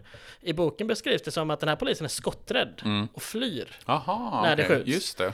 Eh, Men han, är ju den polisen som dör Exakt. i alla fall. Och det är roligt för här har de ändrat vad Ja, visst är det så i boken att han får något som Han ett getingstik. Fan, det är oerhört parodiskt. Ja, medan i, bok, i filmen där, det här får vi inte se nu, men det får vi reda på sen, och vi kan lika gärna säga det nu, att han faller ner från det här riket och så i ett klippblock och så i huvudet och dör av det. Mm. Medan de två den- skjutna poliserna klarar sig. Ja, så den enda polisen som har dött här har inte dött av någon kula från Kasper eller Kia, utan han har dött för att han har ramlat ner i diket och slått i huvudet Ja. i princip. Så vi har egentligen ingen polismördare. Nej. Trots att Stig-Åke Malm är helt övertygad om att det finns en polismördare. Han är fullständigt övertygad om det. Och han ger sig ut i jakt på den här polismördaren. Ja, och han säger först till Beck att eh, ja, men du måste du måste släppa det här Släpp med... allt du ja. har och så bara jaga den här polismördaren. Ja, och det här är så roligt, för Beck gör typ det, Mm. åker till brottsplatsen med polis där det har skjutits, är där och pratar med Malm och Hjelm i två minuter, och sen springer han till bussen och åker tillbaka till Moby. Mm. Och bara, kan han bestämma det själv? Ja, faktiskt. Han säger till Malm bara, nej men jag ska, jag ska ta reda på vem som mördade Sigbrit Mård. Bara, jaha. Ja, men Martin Beck har så mycket status där så han får göra samma. Men det roliga är ju också där att han tar någon form av jävla lokalbuss Ja. tillbaka. Han tar inte ens en taxi. Nej. Eller blir skjutsad av någon polis eller någonting. Han tar verkligen, verkligen lokalbussen och pratar med den här busschauffören som berättar lite mer om att eh, eh, det här tivolit är väldigt populärt på Ja. sommaren och att det är väldigt mycket igång på sommaren. Här märks det att det är landsbygd därför att en, en busschaufför hade aldrig stannat igen i Göteborg, hade aldrig stannat igen efter att ha passerat hållplatsen, vilket den här chauffören gör. Ja. Så att, eh, learn i Västtrafik, det här var bra Mm. busschaufförande. Precis. Jag tror det händer oftare på landet än den går varannan dag bussen. Men här, nu har vi i alla fall fått liksom introduktion till varför filmen heter Polismördaren. Yes. Att det är poliser som har dött. Och här har vi ju en, en ganska obehaglig eh, liksom, koppling i boken. Mhm. eh, som nu kommer inte jag ex exakt ihåg hur kopplingen till Alexander är i boken. För det är väl inte i Alexander de blir skjutna? Nej, det är liksom nästa ort som nämns. Ja. Att någon, jag, jag kommer, nu kommer jag inte ihåg, det skulle jag såklart skrivit upp, men att det är någon som passerar eller typ stannar till i Alexander. Och det här är ju egentligen helt sjukt Ja. att Sjöwall Wahlöö 1974 när de skriver boken Polismördaren, alltså om ett mord på, nu är det inte ett polis, Nej, nej, men ändå. men den heter Polismördaren. Ja. Och de nämner den här lilla, lilla jävla orten Alexander. Vad kan det bo i Alexander? Typ 100 pers eller något sånt där. Jag, jag tänkte fyra personer och hans faster liksom. Det, ja. Någonting ja, men det är ett väldigt, väldigt litet samhälle som man inte nödvändigt, alltså som man inte skriver om, men att Sjöwall Wahlöö då 1974 skriver en bok som heter Polismördaren, där Alexander förekommer. Ja. Det är Eh. som att någon 74 skulle ha skrivit en bok om att, ja men en sekt i Knutby, och Mm. så liksom händer Knutby sen. Ja. Det, det är samma typ av... Ja, oerhört märkligt och nästan lite obehagligt. Ja men jag hörde det i ljudboken och bara, vänta nu, vänta nu, vänta nu. Så Alexander, Aha. polismördare, ja just det. Och så Shit bok, ja, bokinläsningen var gjord av 95, jag tänkte annars hade det kunnat varit, men den är också från före Alexandermorden då. Uh, Och för, jag antar, nu förutsätter vi att alla är så pass välutbildade att man Ja, vet annars får, om Alexandermorden annars får ni googla om Alexandermorden Ja. i så fall. Precis. Ehm, ja, men i alla fall. Det här händer, Beck åker tillbaka, men, men Malm best- bestämmer ju att Kasper ska betraktas som utomordentligt farlig. Han är förmodligen beväpnad, vilket typ eh, alla andra fattar inte. Ja, i, alla fall, så. I alla fall fattar ju Kolberg, Ja. Gunvald och eh, Bäck det. För Ja. De håller ju huvudet kallt här och förstår ju att det här inte är liksom så som Malm vill framställa det. Nej. Och att den som har, alltså det som har hänt där eh, vid skottväxlingen mellan poliserna och Kia och Kasper har egentligen ingenting med mordet på Sigbritt Mård att göra mer än att de här är vittnen till Nej. mordet på Sigbritt Mård. Nej, det görs dock en liten koppling. För Hjelm, Greta Hjelm ser vi ju där i scenen eh, där. Och hon eh, har, har liksom Kias saker, vilket är det enda kosmetikan är ett läppstift. Och när Beck sen är tillbaka hos Nöjd så har de hittat Sigbritts eh, handväska. Och den enda kosmetika som saknas är ett läppstift. Så det görs i alla fall en koppling mellan att ja, men, handväskan och bilen och Sigbritt, det finns ju någon form av koppling. Men Beck tror ju fortfarande inte på att det är liksom eh, ja, men Kia och Kasper som har, har haft ihjäl Sigbritt, för det stämmer inte. För Malm vill ju börja prata om det som ett rånmord istället. Eh, Medan fast det var ju ett sexmord alldeles nyss. Och, och man bestämmer sig för att det inte är. Han är ju verkligen den här typen av icke-polisen som försöker leka polis. Mm. Eh, Och det är... Partirottan som Kolberg kallar honom i ja. Polis, polis, potatismos. Ja, verkligen. Eh, De hittar också en liten kalender eh, som är Sigbritt, som är bokstaven K i varje torsdag, vilket Mm. är ytterligare en sån... eh, Kopplingen till Kaj där, att hon Yes. träffade Kaj på varje torsdag. Precis. Och sen får vi tyvärr träffa Kapten Maud igen, men det är ganska kort. Vi, vi skiter Ja, i Captain skiter i det. där. Becky ger honom bra råd. Vi hoppas han Mm. följer det. Ja. Och sen kommer Maj Sjövall. Ja, hon eh, gör sin lilla cameo som stugägare. Yes. Och det är väl första och enda gången i den här serien som hon har en replik. Ja, vad vi kommer ihåg i alla fall, Mm. ja. Det kan vara så att hon säger någonting i Rosanna som vad heter det? Receptionist heter Ja. det. Hon Inte pratar ju med barnen i Mannen på balkongen, men det hör vi ju Jag tror inte vi hör det. Nej, utan det här är liksom enda gången som man har en ordentlig replik. Ja. Eh, Och man faktiskt ser henne ordentligt. Jag lyckades ju dock missa henne, eh, noterade vi när vi, innan vi spelade in här. Jag frågade Gustav innan vi var spelade, vad var Maj Sjövall? Men det var ju hon som var i, ja just fan, det var hon som var i stugan där ja. Ja. Hon, hon syns ju i bild ganska länge, Ja. det är ganska tydligt. För det är Gunvald som åkte hem till henne, för där, det har ju då varit inbrott. Är där Kasper Kia har spenderat natten och det är Mm. därifrån pistolen har kommit. Så det är Maj Sjövalls pistol Mm. som eh, används helt enkelt. Det. För att skada, eh, skada poliserna. Ja. Hector, Hector, vår, ja, vår det. hjälte. Ja, just Som det. det står på affischen på sjukhuset när Kolberg kommer dit. Och, Ja. Och konstaterar att Hector har gjort allting fel. ja, typ. Han sköt inga varningsskott. eh, han gjorde liksom... Ja, han gjorde bort sig helt enkelt. Ja. Och det visade sig att det finns ju ingen polismördare Nej. överhuvudtaget. För Nej. att eh, han som, den polisen som dog, han dog inte av några skott. Nej. Utan han ramlade och slog ihjäl sig där i diket. Ja, och när Kolberg är på sjukhuset där så ger Hector svindåligt signalement av, eh, alltså han 1,85 lång och krulligt hår. Och vad är Johan Widerberg? 1,60 och har extremt blond rakt hår. 1,23. Ja, men han ser i alla fall väldigt kort ut i den här eh, filmen. Liksom. Jag tror inte han är överdrivet kort. Men, men han är inte 1,85 med lockigt hår i alla fall. Så kan vi säga. Ja. Ehm, Och Kaspar försöker ju hitta värmen liksom. eh, Och, och gör sig av med sin hockeytröja när han hör att det är ett av signalementen. Det typ Ja, han, han, sitter, han sitter på någon typ av eh, någon diner där på något Ja. sätt och Där har vi yt- ytterligare en tidsmarkör, för där nämns Ann Wibble som finansminister och ett Just förslag det. hon genomför. Då var jag tvungen att googla på det förslaget och det lanserades i januari 93. Eh, Så där har vi ytterligare en som inte riktigt stämmer överens med att hockeymatchen var i april 93 Just och det här ska ja. vara på hösten. Skitsamma. ja, man kan ha överseende med sådana detaljer. Ja, det, det, det får vi nog ändå ha. Ehm, och här... Men, men, men Kasper försöker eh, ta sig tillbaka, ta sig hem igen. Ja. Och har dumpat sina grejer. Och ja, snor lite andra kläder och sådär liksom. i någon, någon, hockey, någon trunk. Mm. Nej, hockeytrunk är det nog inte, det är något annat. eh, Är det mycket kvinnokläder han Mycket får upp kvinn- ja. först? eh, Sen och sen så sitter han på något flak till någon eh, bil in till Stockholm, får vi Ja. väl förmoda att det är. Ja, det är det ju. Mm. Ehm, och där, där kommer han hem. Och det ska vi komma sen, för att ehm, däremellan så har vi träffat uh, våran tredje koppling till Anna Holt. Stig Engström. Ja, precis. Han spelar Karl-Ivar Sundström. Ehm, inte, ja, ägare, hans fru egentligen är ju ägaren till Sundströms kexfabrik. Han är någon form av eh, mellanchef. Ja, I boken tror jag han är fabrikör. ja precis. Jag Och vet de- inte ens vad riktigt vad en fabrikör är. Det är men, ingen som någonsin har vetat. Nej, men det är en titel. Mellanchef. Ja, typ. precis. Ehm, och, och Beck säger i princip till Nöjd att Nej, men, eh, det här är min enda chans att få se Sundströms konstsamling. Mm. För han förhör ju Sundström för att inte i det här läget vad vi förstår att han tror att Sundström har någonting med någonting att göra, utan för det är att den bok, här, den här bilen. bilen. Tillhörde Sundströms kexfabrik och Ja. han jobbar ju där.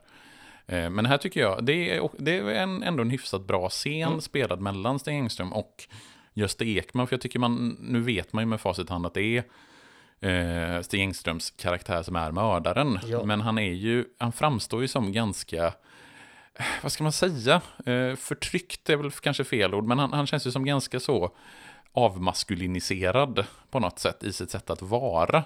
Han känns väldigt, eh, jag hittar inget riktigt bra ord för vad det är han, eller hur han framstår där, men det, det är ju någonting med honom som ändå känns lite apart. Ja, nej, men jag, jag förstår vad du försöker säga. Han säger ju senare i filmen att nej, men, det är min fru som äger fabriken, det är hon som äger pengarna, det är hon som äger konsten, det är hon som skulle få barnen om vi skildes och sådär. Så att eh, han, han, han har inte mycket att säga till om liksom i sitt liv där känns det som. Att han får någonstans acceptera. Sen innebär ju inte det heller att det är en ursäkt till vad han gör, men någonstans En kanske förklaring. en förklaring. Mm. Precis. Och kopplingen till Anna Holt, för det är han som spelar Bosse Jarnebring i eh, Vita Riddaren och sen kommande Anna Holt-filmer också va? Ja, han har hållit serien, Serien, där. ja. eh, Mm. Precis, eh, det gjorde han. Jag tycker han är jättebra som eh, Som Bosse Jarnebring. Eh, Det är roligt att han eh, har spenderat söndagen påstår han med att sortera diabilder. Söndagspyssel, eller Ja, söndagsnöj eller vad det Beck säger. Ja. Skön replik. Men där tappar ju Beck en av pärlorna från halsbandet. Ja, där får vi en, en ganska lite sån reaktion från Ja. Stig Engström. Att, eh, där märker man, det är någonting som inte riktigt stämmer där heller. Han liksom rycker till när den här pärlan rullar ut över bordet. Exakt. Och då undrar man, är det, var det medvetet från Martin Beck att låta den pärlan rulla ut för att testa? Jag tror det. Mm. Ja, det, det. För mig känns det verkligen som, eh, som så. Mm. Ja. Men han och Nöjd pratar sen om vad som kan ha hänt. Ehm, och Nöjd är ju inte alls säker, eller ja, han frå, Nöjd frågar lite retoriskt, men vem, vem ska det vara då? Så Gunnar eller en mystisk Kai? Mm. Och, och nu, där är de tillbaka på polishuset igen och då inser Beck någonting. Där får han sitt Sherlock Holmes moment igen. Att Kai är ju den registreringsskylten på den här bilen. Eh, Ja. Han springer ut i... Den har körts tillbaka till Ja. Moby. Precis, och han springer ut i bilen torkar med någon form av servett, för den är ju väldigt kladdig, registreringsskylten. När han torkar bort smutset så står det ju Kai där, och där har vi ju kopplingen till just Kai. Ja, och till Sundströms. Mm. För det är ju deras bil. Och i Stockholm har nu dit har Kollberg och Gunvald efter lite olika dialoger hit och dit. Det, det är de som konstaterar att Borglund, polisen, inte alls dog av, av skottlossningen utan av eh, klippblocket. Men de är på Stockholm med någon form av polisstation. Där det kommer in en eh, man, väldigt smal man med väldigt långt blont hår. Och en snu, snyggt uppsatt i en hästsvans. Mhm. Eller inte jättesnyggt kanske. Den är uppsatt i en hästsvans i alla fall, det ska man ge honom. Mm. Eh, Och det visar sig att det är Kaspers storebror. Ja, som, Rick. Rick, ja. Ja. Fint namn. Ja, Och han är ju fundersam, han är ju rädd för att han, nu har ju Kasper varit borta i flera dagar. ja typ en Eh, vecka nästan, eh, han säger. Ja. Och eh, han får ju inget gehör där i receptionen, men Kollberg och Larsson tar ju sig an honom. Ja. Och får ju här reda på, eh, eller med hjälp av hockeytränaren som de åker ut till ishallen så Yes. får de ju liksom bekräftelse på att Kasper är den personen som eh, var vitt, blev vittne till mordet. Precis. Det är roligt att eh, Rick, eh, den han först frågar är ju Malm i huset. De, de har ju en dialog. Och Malm bara, jag är inte vaktmästare. Och så, Mm. Som den uppampade grejen är. Så Just går han så. vidare. Just det. Ja, nej men den här hockeytränaren är ju direkt osympatisk fortfarande. Säger att Kasper är en vek och borde syssla med schack. Mm. Vilket återigen är en koppling till schack som vi inte får någon lösning på. Men de får i alla fall en bild på Kasper. Som Hector polisen säger det är han. De får Mm. bild på hela hockeylaget och Mm. han pekar ut honom. Samma sak gör Mats och Eva. Så att nu Det- vet vi det här. Precis. Yes.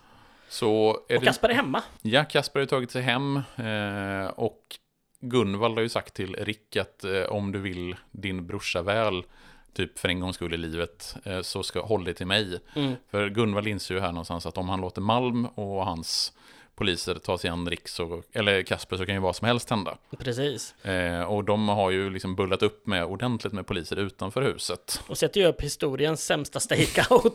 För Kasper tittar ut genom ett fönster och bara Men Rick, det är poliser här! Det står Och då står han som hemglasschaufför och det där liksom. Och det är så uppenbart att stå med walkie-talkie stora som och sen kommer, givetvis, sen kommer givetvis helikoptrarna. Ja, precis. Eh, Så Kasper som är frusen och trött bara jag tar en dusch och så sätter han på duschen. Men han tar ingen dusch utan han smiter ut och snor eh, Ricks motorcykel eller är det en moped? Jag tror Ja, jag kan inte, Nej. jag kan inte knappt skilja på moped och motorcykel. Ja, men det är, det är någon form av, jag tror att det är någon form av... Tvåhjuligt motorfordon. Ja, precis. Ja, men det, går, det. känns som att det går så pass fort så att det är en motorcykel, men det är någon cross av något slag liksom. Ja, han, han drar ju därifrån för han är ju livrädd att vad som ska hända honom. Så han Ja. kör ju till något jävla grustag Ja, på något sätt. och vi måste bara stanna lite på, på Rick där inne. Mm. Hans bara, när han knackar på... och bara- Dina fingrar blir, kommer bli som, vad är det han säger, Som russin. torkat fikon Som torkat Och fikon. bara- Åh. Och jag är ledsen. Jag är så, så, jag är så ledsen till... Eh, eh, gud, vad heter han nu? Nu ska jag snabbt komma på namnet. Ja, Matti Bostedt som spelar Rick. Det här var inte det bästa, va? Det, det, det var... Det här glömmer vi, va? Ja, ingen, ingen, ingen jättebra le- levererad replik. nej, jag tyckte hela den här... Ja, den här insatsen är... Det känns lite som att den snarare hör hemma i typ Sökarna. Eh, sådär. Och det säger jag inte på ett bra sätt. Men i alla fall. Eh, Rick försöker springa efter Kasper och springer då rätt in i armarna på, på Gunvald. Och Rick säger att jag tror jag vet vart han har åkt. Och då är det då till ett grustag som du sa. Där de tydligen, deras pappa brukade jobba när de var små och de brukade leka där. Vilket känns supertryggt. Mm. Eh, Leka i ett grustag, det är säkert jätteroligt. Att som unga leker i ett Ja. stort grustag i och för sig. det är nog i och för sig, ja det är faktiskt sant. Ja. Jag tar tillbaka att Men du ja. sa att det, här fanns det en skillnad i boken mot vad som händer i filmen. För det blir ju en, Det ska väl vara en dramatisk upplösning här med att han hotar att tända på någon form av bensintank. Ja, för han har fått den här tändan av eh, Kia Ja. tidigare. Och han står vid någon mack där, OK mack, och, fast ja, som är på grustaget. Har bensinen rinnande och, och i andra handen så har han tändaren. Mm. Och sen kommer Malm med helikoptern, men Gunvald lyckas i alla fall vifta bort honom. Det som händer i boken är att den här Limpan Lindberg, eh, och nu minns jag inte exakt connection, men de hamnar ihop och typ, eh, men, men i boken är också Kaspar är liksom inte den här snälla ren, alltså han, han har ändå lite kriminellt beteende, Kaspar i boken. Eh, det är inte så att han blir medtagen av motsvarigheten till Kia och, och tvingas göra saker. Han har liksom en liten egen agenda mer. Mm. Men de hamnar i alla fall ute på torp och försöker så skjuta sig loss liksom. Men eh, Men det är mer dramatiskt i boken än vad Ja. det är i eh, filmen. precis. För jag, som sagt, även om det ska vara en dramatisk scen, eller de, det är väl tanken i alla fall, så känns den ju inte så jävla spännande. Nej, Den känns också lite, lite halvpajig. Man känner inte jättemycket för Jo- Johan Widerbergs karaktär. nej. Och Rick går sakta framåt och de ska prata. Och minns du när pappa sket på sig på sypen eller vad det var? Ja, så här. Och liksom, det går alldeles för fort, det går alldeles för Ja. lätt att prata ner Kasper där. Det, det, Kasper är ju inte det minsta desperat verkar det som Nej. helt plötsligt. Från att ha varit desperat hela filmen. Eh, Så att, eh, ja. Nej men i alla fall, de får med sig Kasper och då, de kör, kör tillbaka till Moby. Vilket får mig att känna att det är inte så långt mellan Stockholm och Nej, Moby ändå. rätt i. Att, eh, Det går rätt fort det ändå. går ganska fort att hi- hitta till Sundströms kexfabrik. Ja, För nu kan vi ju liksom hitta, för att Kasper är ju ett vittne, han har ju Mm. sett mördaren. Och då visar det sig att det är Stig Engströms karaktär. Karl-Ivar Kai Sundström. Och här är ju... polisarbetet här är ju under all jävla kritik. För de, först går det som han går in, Beck går in och pratar med, med Sundströms fru och ber, ja, och hon hämtar eh, Kai. Och så säger Beck att han vill prata om Kai. Och han bara, vi kanske ska ta det på utsidan. Och sen går de ut och så nickar Kasper att ja men det är han när han ser Kai. Och sen bara berättar, alltså helt plötsligt förklarar Beck vad vi har sett. Liksom. Han förklarar filmens handling, eller slutet och vad, vad, hur det gick till. För den de helst ska få dömd för det här mordet, vilket är jättedumt. Eh, rent polisiärt, tänker jag. Så att det är verkligen bara, men det, det är så det är lite Hollywoodifierat på det sättet. Och sen får Kaj en hjärtattack och typ dör. Ja, Ja. och det gör han väl i film, eller i boken också. Han får en stroke eller något. ja, jag minns faktiskt inte om han dör. Nu när jag tänker efter. Jag för, tror- jag för, det mig, att, jag för mig att det är så att han dör, att han får en, en, en eh, antingen om det är en stroke eller vad det nu är, eh, först och sen så erkänner han för Beck och sen så när han har gjort sitt erkännande så dör han, eller så får han en attack till och så dör han. Så är det Jag ja. har för mig att det är så. Så är det? Ja, precis. Så att han överlever den första attacken men dör av den andra. Ja, så kanske det är, ja. Precis. Ja, men och sen får... Eh, ja, av någon anledning så åker Beck inte bilen tillbaka till Stockholm med Karlberg och Gunvald, utan han tas farväl av vid tågstationen av Nöjd igen. Och ska ta tåget hem. Och Nöjd vill såklart få dit honom i roligare... Vi ska inte ha några fler mord här. Nej, okej då, säger Beck typ. Och Ja. åker därifrån. Och, så, är- äntligen är Ja. filmen slut. Till slut, ändå, det är roligt att det är också typ den längsta av Den är filmerna. 1.37 va? Ja, den är precis. lika lång som, förra, som det avsnittet vi gjorde om eh, polis, polis, potatismos. Åh herregud. Ja. Ja, nej men eh, faktiskt en, äntligen, äntligen, äntligen är filmen slut. För den Ja. här är så fruktansvärt, vi har sagt det här flera gånger, men den är så fruktansvärt dålig. Ja. Den här filmen, den är så bottenlöst usel. ja. Och nu ska jag äntligen få lista mina tre, Ja! eh, till mina tre liksom det som jag hänger upp mig mest på. Jag lutar mig tillbaka på den imaginära Och kan vi, kan vi få en sån här trumvirvel på plats nummer tre? Så har vi den oerhört fula miljön. eh, alltså jag har inget emot egentligen att det är liksom sådär landsbygd eller att det är eh, på något sätt mörkt och murrigt och sådär. För det kan, kan addera till storyn. Men man blir ju så oerhört deprimerad av Moby. Alltså jag blir så oerhört deprimerad av att de rör sig i Moby hela Ja, tiden. ja. Och sen är det ju det här också att de är väldigt, väldigt kort i Stockholm. De- Det är liksom korta scener i Stockholm där. Ja, de är när- knappt ute i Stockholm. Nej, utan det är den här när de ska i något villa, Ja, någon villaförort eller någonting. Och en av tjusningarna tycker jag med hela Beck-sviten, det är ju att det är faktiskt, ja, det blir ganska läckra Stockholmsskildringar. Det Att det pratade lite- vi om mycket i Mannen på balkongen där vi tyckte det trots, eh, trots den filmens vad den går ut på. Så, så är det just att den utspelar sig helt i Stockholm, i, eh, som gör ju den filmen bra. Ja. Och det är ju det som gör den här filmen, eh, Polismannen, så dålig. Eh, eller en av de, den tredje sämsta grejen, det är just eh, de eh, miljöerna. Jag tycker de är så deprimerande, så tråkiga. Enig. Ska vi ta plats nummer två? På plats nummer två, där har vi dubbningen. Alltså den, det, ska man göra en topp tre-lista av de sämsta grejerna med den här filmen så kommer man inte ifrån dubbningen. Nej. Egentligen så kan den vara på första plats, men jag vill inte vara så jävla förutsägbar att jag la den på första plats. Oh, så edgy.